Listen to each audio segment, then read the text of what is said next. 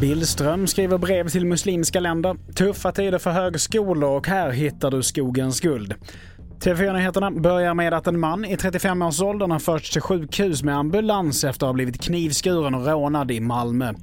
Polisen fick in larmet strax efter klockan tre och i nuläget så har man inga uppgifter om den misstänkte personen eller omständigheterna kring händelsen. Vidare till att idag så genomfördes ytterligare en koranbränning på Mynttorget i Stockholm samtidigt som medlemsländerna i OIC ska diskutera koranaktionerna i Sverige och Danmark.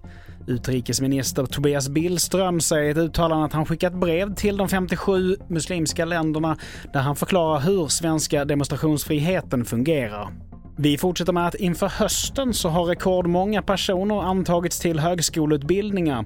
Samtidigt så har många universitet och högskolor det tufft ekonomiskt. Det visar en kartläggning som TV4 Nyheterna har gjort. På sikt kan det betyda sparåtgärder som att ta in färre studenter, färre doktorander eller att inte ta in vikarier vid sjukdom.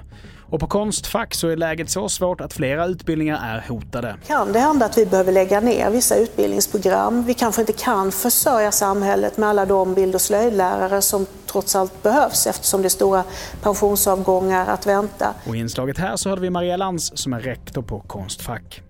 Så till Asien där Kina har infört restriktioner på sin export av långdistansdrönare, det rapporterar TT.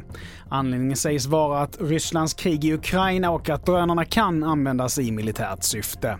Till sist, det ser ut att bli ett riktigt bra svampår, men problemet är ju alltid vart man hittar dem. Och så här säger svampkonsulenten Theresia Lyckne om var man ska hitta sina kantareller. Men ett bra tips är gamla traktorvägar och grusvägar och stigar. Där gillar de att växa och just kantarell vill ju ha lite fukt, den vill ju inte växa alldeles för torrt. Så gamla traktorstigar, gärna sådana här lite igenväxta, där kan jag i perioder hitta väldigt stora mängder svamp. Fler nyheter hittar du på tv4.se. Jag heter Mattias Nordgren.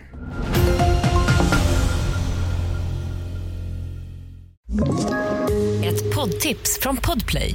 I fallen jag aldrig glömmer djupdyker Hasse Aro i arbetet bakom några av Sveriges mest uppseendeväckande brottsutredningar. Går vi in med hemlig telefonavlyssning och, och då upplever vi att vi får en total förändring av hans beteende. Vad är det som händer nu? Vem är det som läcker? Och så säger han att jag är kriminell, jag har varit kriminell i hela mitt liv men att mörda ett barn, där går min gräns. Nya säsongen av Fallen jag aldrig glömmer på Podplay.